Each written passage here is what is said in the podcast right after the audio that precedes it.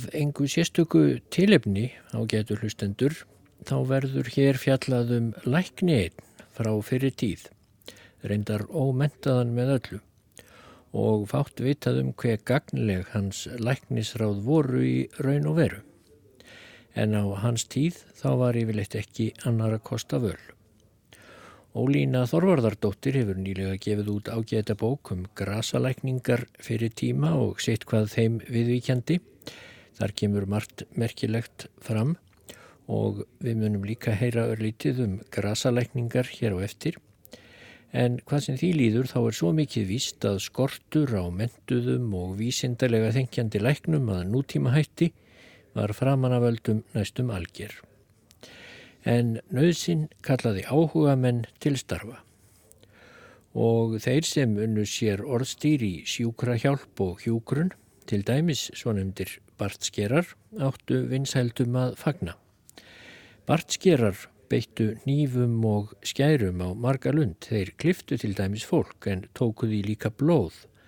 En að taka blóð þótti allra minna bót á miðöldum og langt fram á síðustu aldir.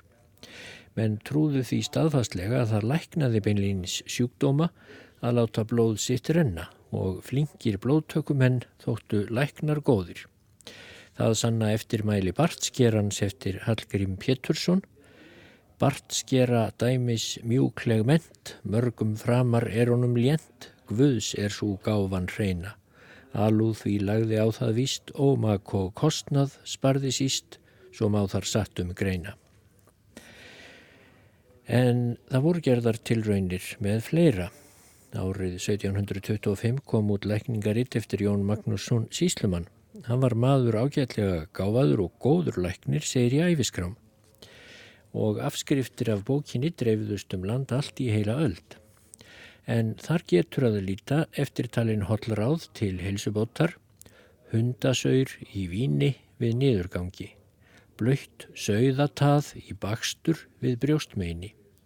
Að drekka sitt eigið þvag á fastandi maga er besta ráð gegn svartadauða.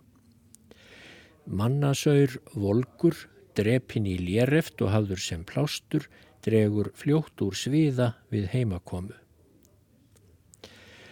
Þegar landleiknis ennbætti var lokstofnað á Íslandi upp úr miðri átjándu öld og eh, lærðir læknar fóru síðan að koma til starfa, þá dró smátt og smátt úr mikilvægi bartskerana og einnig hinn að þjóðlegu grasalækna, þótt grasalækningar allskonar væru reyndar lengi við líði og eru reyndar enn.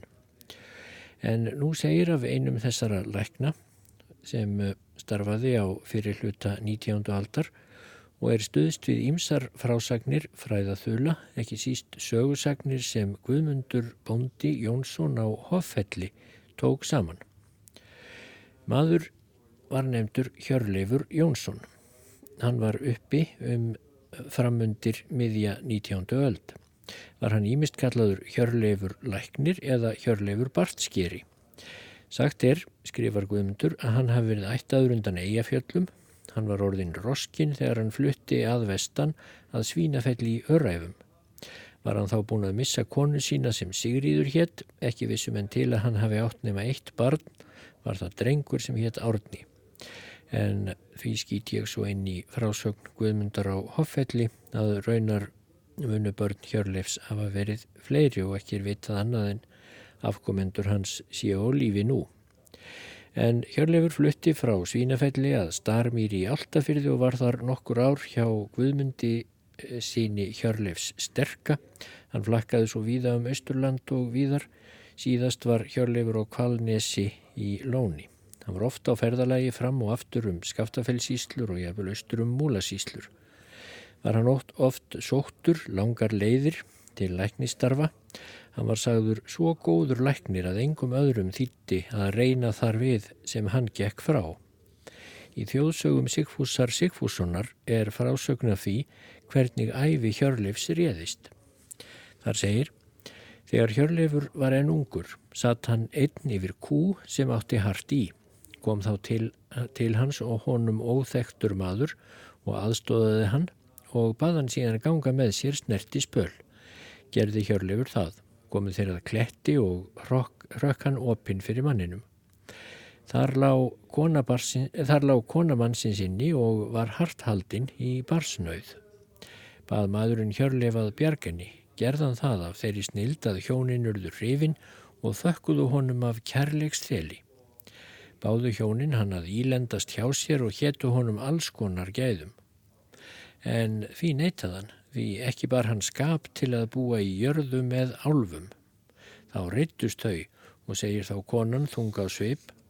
Fyrir það að þú hjálpaðir mér skal þér aldrei misefnast að bjarga konu í barsnauð. En fyrir það að þú vilt ekki vera hjá okkur, þá skaltu ætið verða erðar lítill og sjaldan vera nema ári í kurjum stað og mun hér æfin mæðusum verða. Síðan leiti jærðarbúin Hjörleif heim, álög þessi þóttur rætast á Hjörleifi því sjaldan var hann nema eitt eða tvö ári í stað, nema ef hann var viðflæktur eitthvað lengri tíma á einum bæ í fáskrúðsfyrði um tíma. Mentun laut Hjörleifur enga, en hann mun þó hafa komist í lækningabók Narva Guðmundssonar frá átjándu öld en þar var meðal annars fjallaðum alls konar grös og segði af þeim en brá líka fyrir hjátrú alls konar að þeirra tíma hætti líkt og í lækningabók Jóns Magnússonar. En hvort sem Hjörlefur hafði raunverulegt gagn af lækningabók Narva eður ei, þá fann hann læknislíf sín mestanpart upp sjálfur, að sagt var, og bjóð þau til úr íslenskum grösum. Einnig notaði hann uppsprettu vatn til lækninga en ekki nema úr einstöku uppsprettum. Hann var einnig blóðtökumadur, enda bart skeri og þótti það með afbreyðum hvað honum hefnaðist blóðtakan vel. Hann tók alltaf blóð á vissum tímum og þá eftir því hver maðurinn var og hver tími var hendugastur eftir þeim einkennum sem hann las úr útliti hvers manns.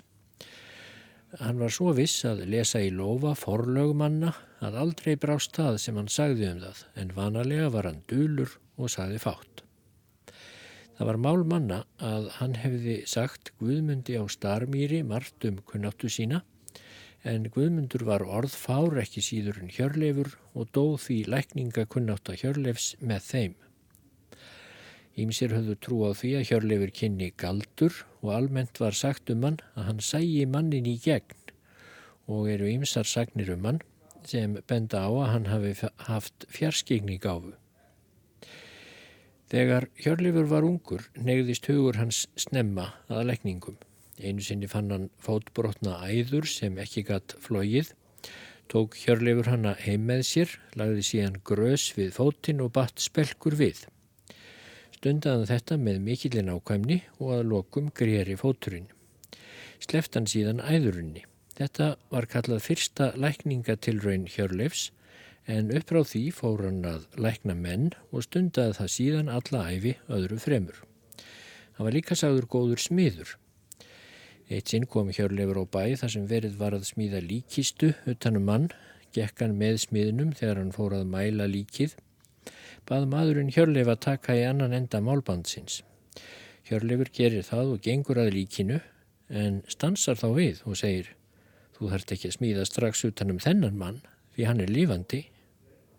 Hjörleifur flettir síðan ábreyðunni af líkinu sem ætlað var, tekur líkinu blóð í hverfilinn og vitimenn fer þá brátt að sjásta lífsmark með manninum og batnaði honum svo að hann varð heil heilsu. Einu sinni varð barn blind út úr veikindum og var búið að vera það eitt ár. Hjörleifi var þá sínt barnið. Ráðurlæði Hjörleifur að þvó augu barsins upp úr uppsprettu vatni sem tekið væri snemma að morninum áður en fuggl flýi yfir uppsprettuna og ætti uppsprettan að vera á móti norðri. Var þetta gert eins og Hjörleifur lagði fyrir og fór þá barnið smám saman að fá sjónina aftur og var vel sjáandi upp frá því alla æfi. Barni var stúlka og hétt Steinun Sigurðardóttir. Voru foreldrar hennar á Kálvafelli í Söðursveit, sagan er höfð eftir valgerði móður stúlkunar sem varla hefur farið með tomt fleipur. En eitt sinn kom hjörlefur að bænum Árnanesi. Þar kom hann oft og var vanalega vel tekið þar sem annar staður. Húsfreyja var vön að koma til talsviðan þegar hann kom en í þetta skipti gerði hún það ekki. Bæði vegna þess að hún var þunguð og ekki vel hraust og svo litist henni að hún átti ekkit tilhanda hjörlefi sem henni þætti bóðulegt að bjóðunum. Var hún því í öngum sínum út af því hver ráð hún ætti að hafa með að gefa honum að borða. Var henni gengið fram hjá hústýrunum þar sem hjörlefur var inni, kemur hann þá út, hilsar henni og segir Þú þart ekki mikið að hugsa fyrir mat handa mér, gefðu mér bara graut eins og hínu fólkinu.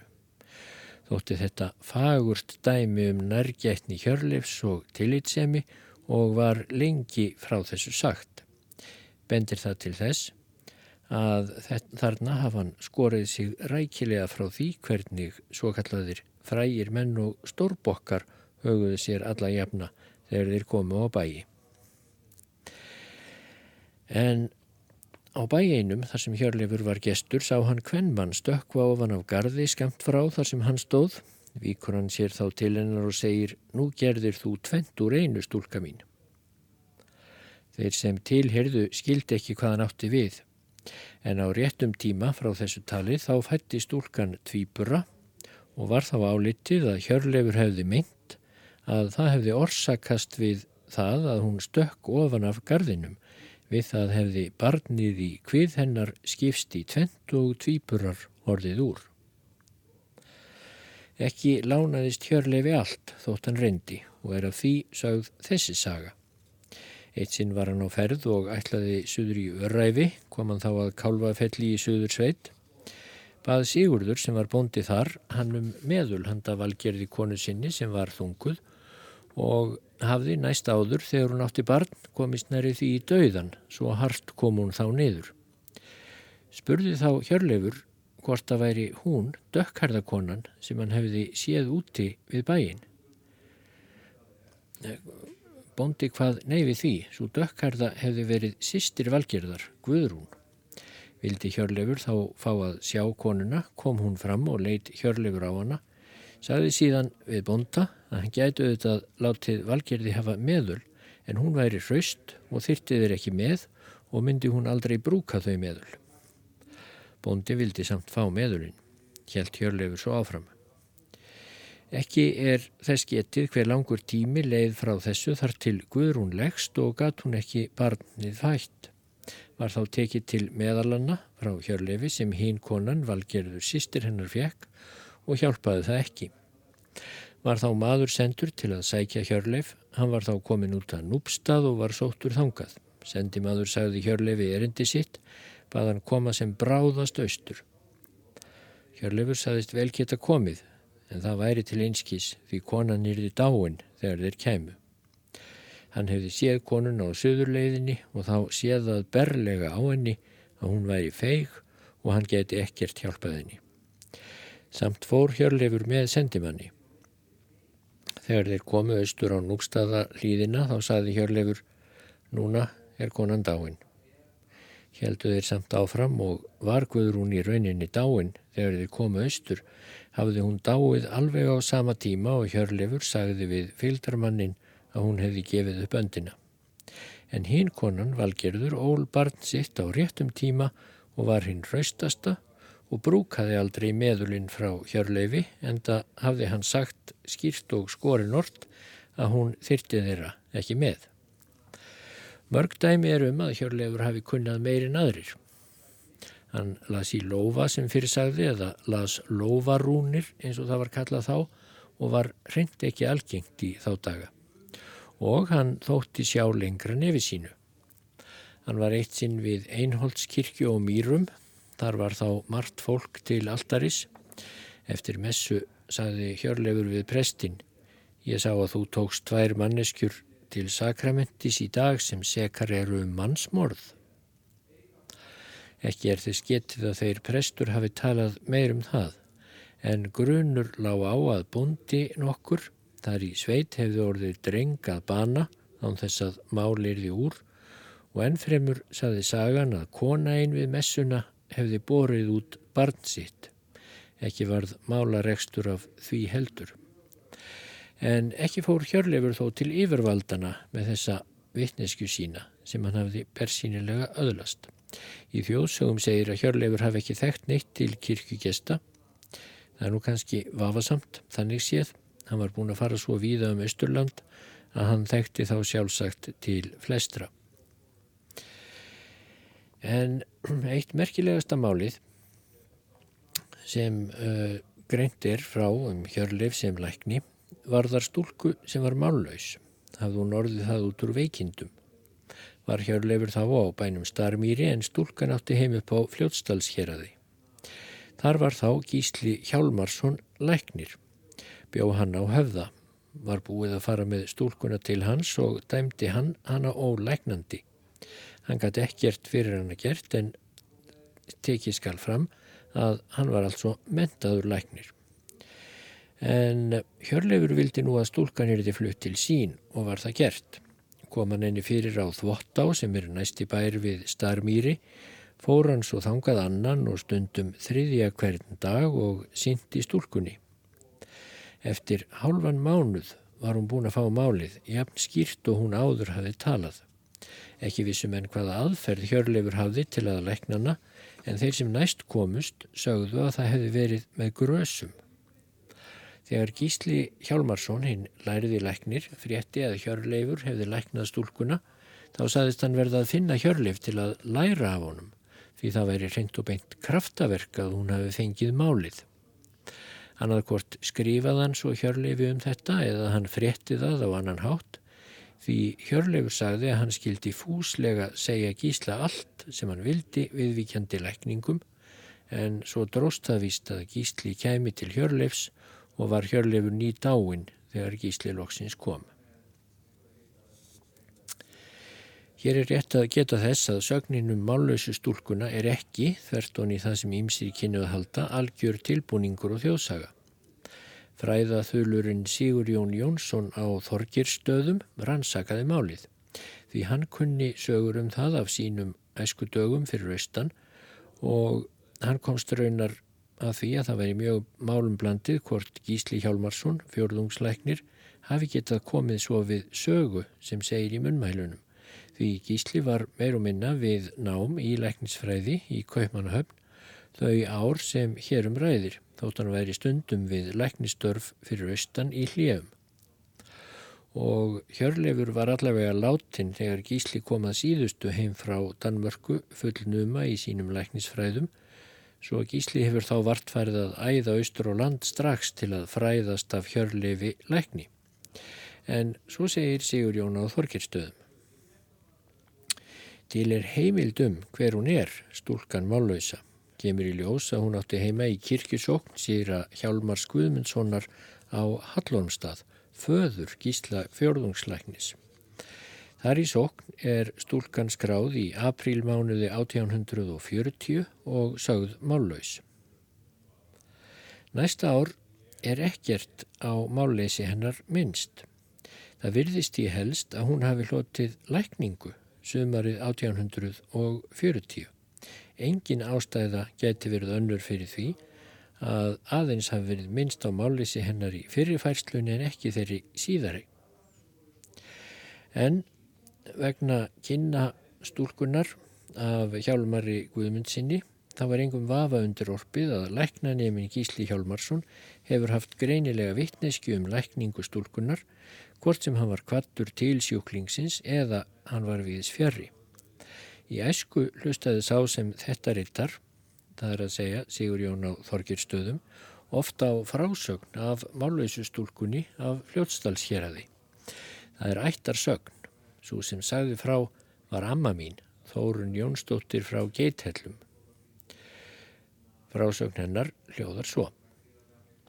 Íslendingar fengust á fyrir tíð við grasalekningar og gaf stundum vel. Eitt dæmi nefni ég því til sönnunar. Afi minn Einar Ásmundsson bóndi á Geirúlstöðum í Skriðdal, síðar í Stóra Sandfelli, fættist og ólst upp á Þvottá í Áltafyrði. Hann var tvíkventur. Fyrir kona hans var Guðrún Gunnlaugsdóttir frá Hallormstað, sýstir Stefáns Landfógeta. Einn dóttir þeirra Einars og Guðrúnar hétt Kristín.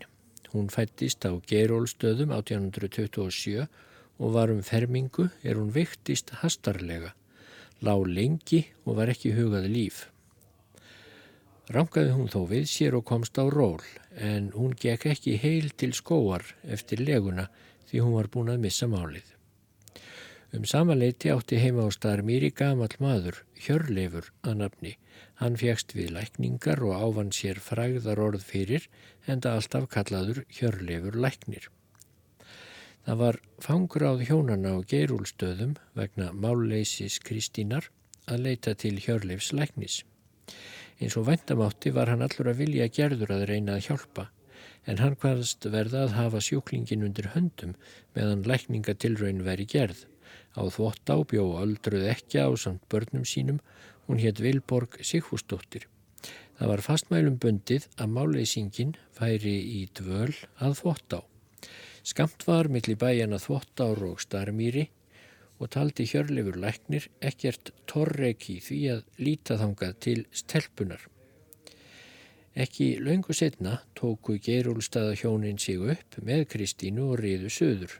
Hjörlefur læknir gaf sér góðan tíma til að skoðana og spurði ítarlega um veikindi hennar. Hann var hins vegar fámálugur um batahorfur. Þegar þau afi og amma, skrifar Sigurjón, sneru heimleiðis var þeim sá ykkur í brjósti að til lítils myndi draga. Þetta myndi varla döga. En það er af hjörlefi læknið að segja að næstu daga var hann á þindarlausu röldi um nálega fjöll og sapnaði júrtum. Þegar hann hafi fundið öll þau grös sem hann taldi nöðsynleg, þá hófst hann handa um meðalagerð.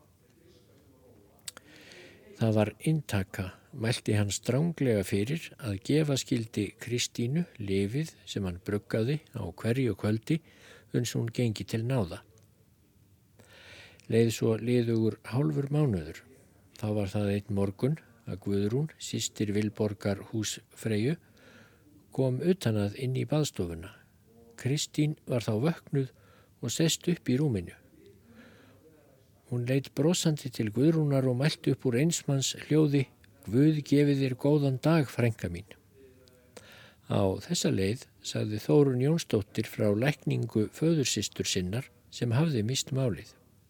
En Kristín giftist síðar og eignaðist börn.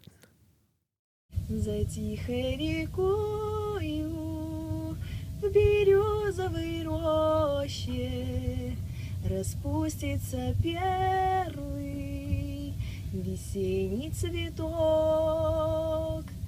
и я загадаю желание попроще, и перекрестившись, взгляну на восток. Окрасится небо багряной зарею, и вечное солнце над миром зайдет, зайдет, и белая птица взлетит над землею, и Божье прощение с небес принесет, и белая птица взлетит над землею, Божье прощение с небес принесет,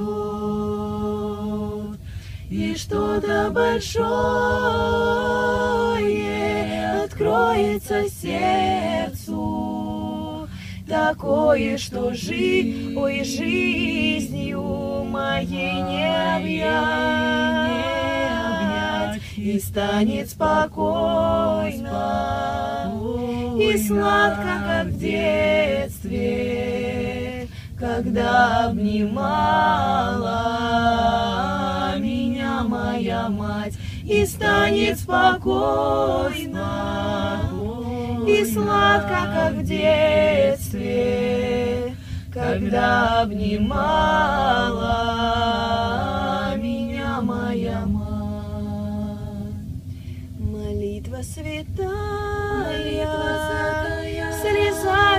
слезами прольется Христовой любовью, исполнится грусть,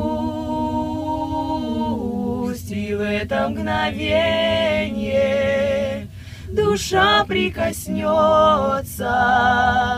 к великой вселенной.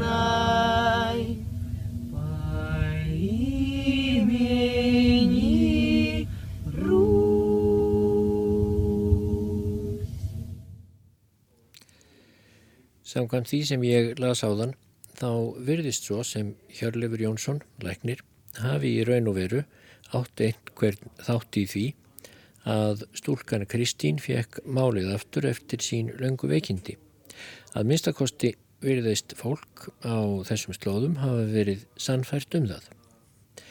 En fleiri sögur gengu af Hjörlefi. Hann þótti af í ímsu enkennilegur. Þegar hann var á Kvalnesi þá drakk hann til dæmis alltaf mjölk úr sömu kunni og mátti alls ekki út af því bregða. En þegar kýrin var að beida þá vildi hann ekki mjölkin úr henni og drakk þá enga mjölk. Á Kvalnesi var fólkinu einu sinni sem oftar skömmtuð skata og kom stykki í hlut einnar vinnukonunnar sem skötu eista var í tók hún það og hendi því og hvaðst ekki myndu farað geta fjandan þann arna, skötu ista, ekki nema það þó. Hjörlefur var þar nærtatur, hann leitt brosandi til hennar og sagði, þú hefur ekki fleikt þessu svona ef þú vissir við hverju það er frábæri lækning, en ekki fjækst hann til að segja meira um það. Því miður gerðist það oftar að Hjörlefur gaf í skín ímsar lækningar og læknisráð en upplýsti fólk svo eigi nánar. Einu sinni saði Hjörlefur til dæmis til um uppsprettulind sem er við göttuna fyrir ofan breyðabólstað í Suðursveit að það er ekki til svo meinsemt sem vatnið úr þessari lind læknar ekki séð að réttilega notað. Svo uppspretta er sögðu all heldur enginnileg en ekki létt Hjörleifur svo lítið að segja frá því hvernig vatnið úr henni skildi réttilega notað eins og hann komst að orði. Ekki var Hjörleifur látin alveg óáreittur við sín læknistörf. Um miðja æfina var hann mest á Östurlandi og bjó víða, erðarlaus eins og jarðálfa kveikindin höfðu fyrir mælt og eftir amtsbrefi dagsettu í Möðruvallaklaustri 13. november 1804 þá tilkynnti Stefán Þórarinsson amtmaður Danakongs á Norðurlandi síslumanninum í Suður Múlasíslu Þórði Torlasíus að þáverandi fjórðungsleiknir á Ísturlandi Brynjólfur Pétursson hefði kert bondan Hjörlef Jónsson þá búandi á Kleif fyrir ítrekað lækningakák í umdæminu. Lagði amtmaður svo blátt bann við lækningum bóndans og átti síslumadur að tilkýna þeim seka um úrskurðin. Ef Hjörlefur heldi uppteknum hætti og virti ekki til skipan amtmanns, þá vofðu yfir honum viðurlög. En það var ekki auðvelt að draga sig í hlið þegar samviskan segir manninum að hann aðhafist ekki neitt rámt eins og Sigur Jón fræðaþulur á Þorgirstöðum komst að orði þegar hann skrifaði lungu síður um málið. En það stríði það móti gullnum kenningum ef sá sem fyrir meinbækninni verður á að grafa pund sitt í jörðu og láta það eigi komað gagni. En nú var Hjörleifur komin í eldlínuna, yfirvöldin fylgdust með honum og honum var hotlast að hafa sig hægan. Hjörleifur átti hins vegar bakkjarl, almenningsálitið var honum hliðholt. Einn fjórðungslæknir þótt lærður væri hafði engin tök á að sinna öllum læknisverkum í víðilendu héradi og oft var engin leið að nálgast læknin. Hjörleifur læknir let því ekki að viðjú sinni þótt vel megi vera að síðan hafi kvílt yfir störfum hans meiri leind en áður. Og viðurkenningu hlautan, jáfnvel viðurkenningu lærðra manna, svo kalladra. Þannig færði sóknarpresturinn í berufyrði í sóknarmannatal sitt um bondan Hjörlef Jónsson vel að sér læknir. Fullvíst er að það ítti undir Hjörlef að hverfa af Östurlandi að verið var að agnúast þar við hann út af lækningum hans Ofsóknir hafa verið honum viðkvæmt mál en það voru þær óverðskuldaðar að flestra dómi sem best hektu til. Ekki er að minnst okkosti vita til þess að hann hafi gert nokkrum skada með uh, lækningatilraunum sínum. En Hjörlefur held á að lokum til vestur skaftafellsíslu og færðist þá fremur í aukana við læknistörfin eftir að þangað kom en það var þar ekkert amast við honum. Hann vitjaði sjúkra, leta af hendi grasalif, tók munum blóð, ráðulagði böð og bakstra og satt yfir sengurkonum. Og hann virðist ekki einungis hafa reynd sig við líkamlega kvilla heldur og andlega. Það kemur meðal annars fram í ljóðabrefi frá Jóni Þorkilsinni á heiði á síðu. Jón sem var reyndar frendi Hjörlöf, Hjörleifs orti fréttabref þetta í bundnum máli árið 1831 og sendi frængusinni steinunni Sveinsdóttur. Kennir þar ímissa grasa en meðal annars segir þetta. Þángað stefnir mærðin mér misjæmt leist af hendi í sumar Ólöf sýstir þín sinnis óra kendi. Hjörleif frenda helst ég þá tel með herrans aðstóð gagna, henni bjargað hefur vel, heilsu má því fagna. Hún á sem sagt að hafa komist til heilsu fyrir að beina Hjörleifs. Árið 1839 er þess að getið í prestsverkabók Hofs í Áltafyrði að Hjörleifur Jónsson fáist við lækningar og lifi á þeim að nokkur leiti. Þessi hlaupalæknir, Hjörleifur, kom hér fyrst vorið 1837, segir í bókinni, og dvaldi hér það ár og fram á miðsumar 1838 þá hann var sóttur frá Jökuldal og þar hann dvaldi vetra langt þar til hann nú aftur einn kom hér í sóknina. Og í sóknarlýsingu úr Lóni 1842 segir síra Björn Þorvaldsson, prestur á Stafafelli, Engir læknar eru hér af konungi settir en gáfu og merkismadurinn Hjörlefur Jónsson hefur dvalið hér nokkur ár og að vanda hjálpað hér mjög mörgum með ráðleikingum og meðulum kauplaust. Hann er nú 75 ára gamall og mjög heilsulasinn. Hann hefur leifi frá landlækni Sveini Pálsini. Þetta er merk heimild pressins á stafafelli um Hjörlef og mat á læknistarfi hans og þá verðist Hjörlefur sem sagt hafa verið komin með blessun þáverandi landlæknis. Sér að Björn á stafafelli var maður einarður og stórbrottin og jós ekki óverð skulduðum lofsýrðum á neitt. Þeir Hjörlefur áttur endar ímislegt saman að selda. Þegar sér að Björn kom að stafafelli var Hjörlefur á Kvalnesi í Lóni. Þegar hann sá sér að Björn í fyrsta sinn sagðan Nokkuð var að ég fekk að sjá þann sem á að jarðsingja mig, en undarlegt er það samt því ekki mun ég liggja í Stafafells kirkjugarði. Nokkru eftir þetta dó presturinn á hofi í Altafyrði, sem hétt Jón, og var hjörlefur fenginn þangað, fyrst sem læknir en kom á seint og var þá fenginn til að smíða utanum prestin. Vann hann að kistu smíðinu á geithellum en veiktist þar snöglega, fekk ekkert að gert sjálfum sér til líknar og dó. Þótt hjörlefur læknir hafi oft náð ágætum árangri þá þekkt hann líka sín takmörk og vissi hvenar ekki varð við neitt ráðið. Það sem meira var hesturinn hans virðist hafa vitaða líka. Sigur Jón á Þorgirstöðum, fyrir nefndur fræðaþölur, lýsir þessu svona.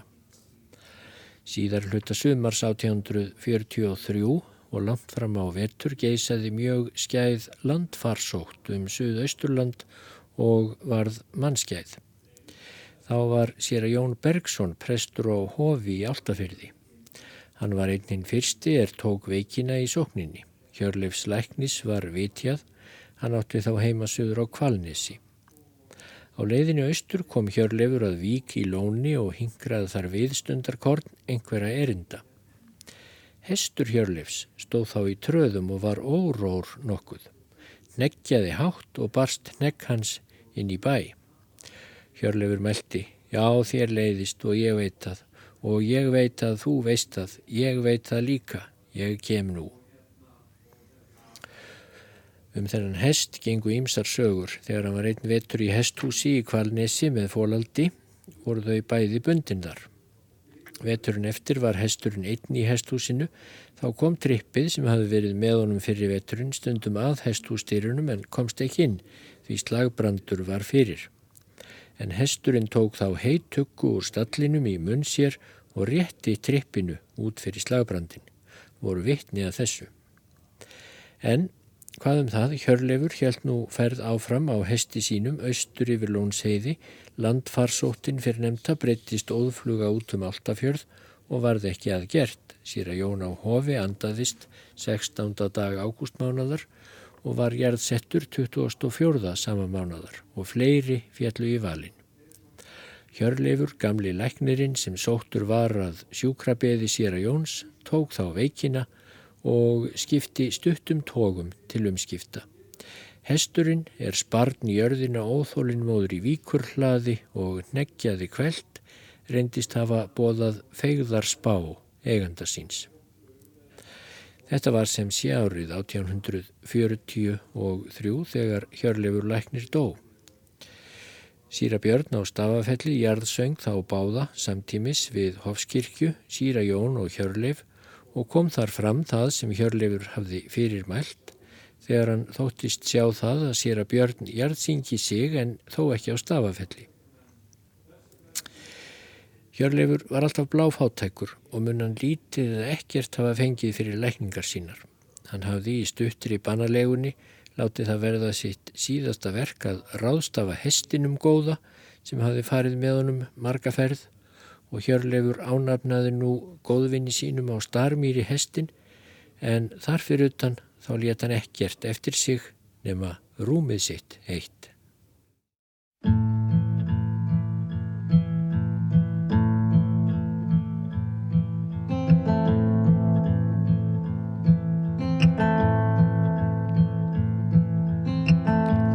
Thick and thin, that's what they say.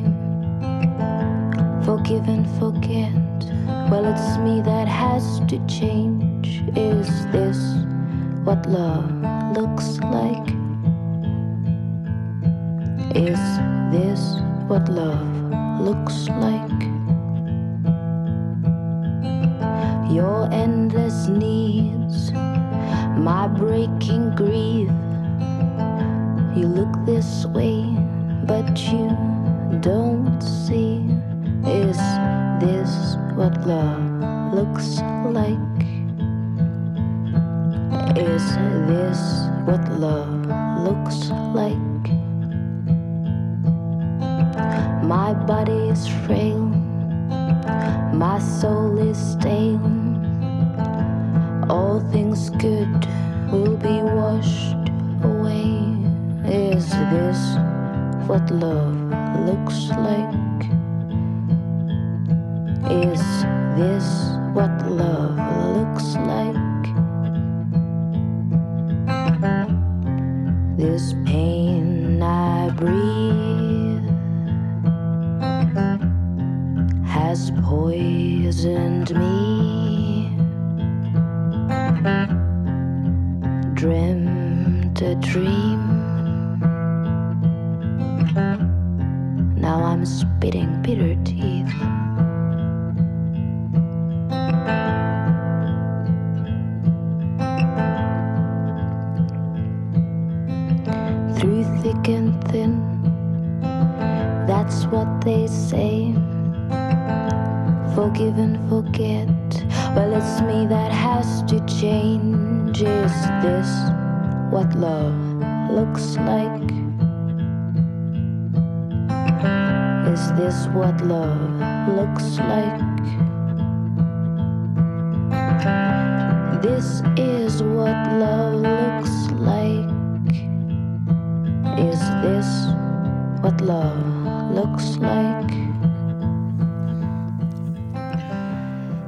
Fleiri en Hjörleifur Jónsson voru kallaðir læknar af alþýðu manna án þess að hafa lært til læknis. Eitt þeirra var Hallgrímur Jónsson bóndi í Skagafyrði, fættur 1887. Marger Jónsson tók saman þáttum hann, mestanpart reyndar nokkuð beint upp úr skagfyrðingasögu Gísla Konráðssonar og þar segir Þess hefur oft verið getið að Hallgrímur bóndi fegst mikið við lækningar. Það var því snemma farið að kalla hann lækni og í öllum skráðum og munlegum frásögnum er minnast á Hallgrím er hann einfallega nefndur læknir. Og um það ber heimildarmönnum saman er sagt hafa frá Hallgrími að hann hafi lagt rekt mikla við það starf en það hefnaðist honum stundum að lækna þá sjúklinga er aðrir gengu frá. Hann sparaði heldur ekkert til að afla sér meðala en þau voru torfengin á þeim árum og þurfti ofta að sækja þau til akureyrar. Fór hann stundum þær ferðir sjálfur en þegar hann eldist fekk hann menn til að sækja þau. Hallgrímur var ekki smáskamtalæknir eða homopati. Meðalalækningar hans voru miklu viðtækari en svo og þótt hann væri ólærður þá ber öllum saman um það að hann hafi haft mikla þekkingu á lækningum eftir því sem þá týrkaðist, var því hans oft vitjað. Þetta starf aflaði Hallgrími vinsælda en það bakaði hann meitning óvild hjá öfundarmönnum hans. Sem dæmi má nefna þjark mikið sem varð milli Hallgríms og Jósefs Skaftasonar, lækni sín nöysum, þegar Hallgrímur var á stóru gilja og í þingi. Skaftasen stemd honum fyrir ólöglegar lækningar og var haldmanna að Skaftasen leki öfund á vinsældum Hallgríms sem læknis. En það mál fjall nýður að lyktum og hafði Skaftasen vansa einn af málinu. Langflestar lækningar Hallgríms eru glimtar en nokkrar skulu nú nefndar. Þegar Jón Björnsson var í glaum bælaðist hann í taugaveiki. Hallgrímur var sóttur og let hann fá meðöl en jáfnframt bannaði Hallgrímur læknir stránglega allan mat nema örlítið af kartöflum með mjölkurblöndu. Og þessu let hann halda uns Jón fór að klæðast með veikum burðum. Þá let hann smá auka mjölkina og fór Jóni dagbatnandi úr því. Hallgrímur var því vanur að svelta taugaveiki sjúklinga á borð við þetta og hefnaðist það vel þegar ekki var brúðið út af í neinu. Hannes hétt bóndin á Marbæli, næsta bæ norðan við Miklagarð, þegar Hallgrímur var þar. Kona Hannesar sótti sér eða öðrum drikk einu sinni sem oftar og blandaði með vatni. Drakk hún svo á blöndunni en strax á eftir fekk hún miklar innvortis kvalir var þegar sendt til Hallgríms og sendi hann stert uppsölu meðal. Reif það þegar í stað og fekk hún megna uppsölu. Fundust þá í spíunni tvær stórar brunnklukkur. Eftir þetta gætti konan meiri þrifnaðar og varúðar í meðferð drikja. Þorstein Bjarnason á Sjávarborg fekk illkynjaða bolgu í hálsin, þá var hann innan við tvítugt. Skaftasen læknis í hnausum var vitjað en hann fekk ekkert að gert, helt hann svo heimleiðis. En þann sama dag átti Hallgrímur leið hjá bænum, var sendt í veg fyrir hann og skoðaði hann piltin. Mælt hann fátt en hvaðst ætla að vera þar næturlangt og litlu þar á eftir fór hann höndum um háls piltsins og batt um bólguna. Nóttina eftir brá hann sér að rúmi Þorsteins, leisti um búðurnar og kifti einhverju úr bólkunni vall þá út gröftur og vilsa mikil. Hallgrímur hreinsaði sárið vel og bjóðum að nýju, batnaði Þorstein eftir fáa daga. Álitið var að Hallgrímur hefði stungið greniflís í bólguna til að fá gröftin út. Stúlkun okkur sem hafði sull í höfði var ráðlagt að leita Hallgríms. Það hafði skafta sinn læknir, læknir fengist lengi við að læknana en varða að gefast upp. Hallgrímur tók við stúlkunni og með einhverju móti náði hann sullinum úr stúlkunni og batnaðinni þá. Það eru almæli elstu manna sem muna Hallgrím að hann hafi byrjað fyrsturlækna að skera upp sulla-veikt fólk. Katrín hétt kona, hún var kalluð Europa Katrín, veiktist hún og lág lengi. Hallgrímur var fenginn til að skoðana og sannfæriðist hann um að hún myndi vera sulla-veik taldi hann sullin vera í framanverðri livrinni og skar eftir honum með einhverjum hætti. Ekki mann sögumadur hvernig Hallgrímur framkvæmdi lækningu þessa því sögumadurinn og heimildarmadur var aðeins fimm ára þegar þetta gerðist og hann var þó á sama heimili og kona þessi. Hvað sem því líður konunni batnaði við aðgerðir Hallgríms og fekk sæmilega heilsu í nokkur ár eftir þetta. Sigríður, dóttir Þorleifs bonda á Siglunesi og langama Þorleifs heitins Bjarnasonar, bonda í Sólheimum í Sæmundarhlýð, lagðist og í Sullaveiki. Þá var hún ung stúlka, Hallgríms var vitjað, skar hann eftir sullinum og leift honum út.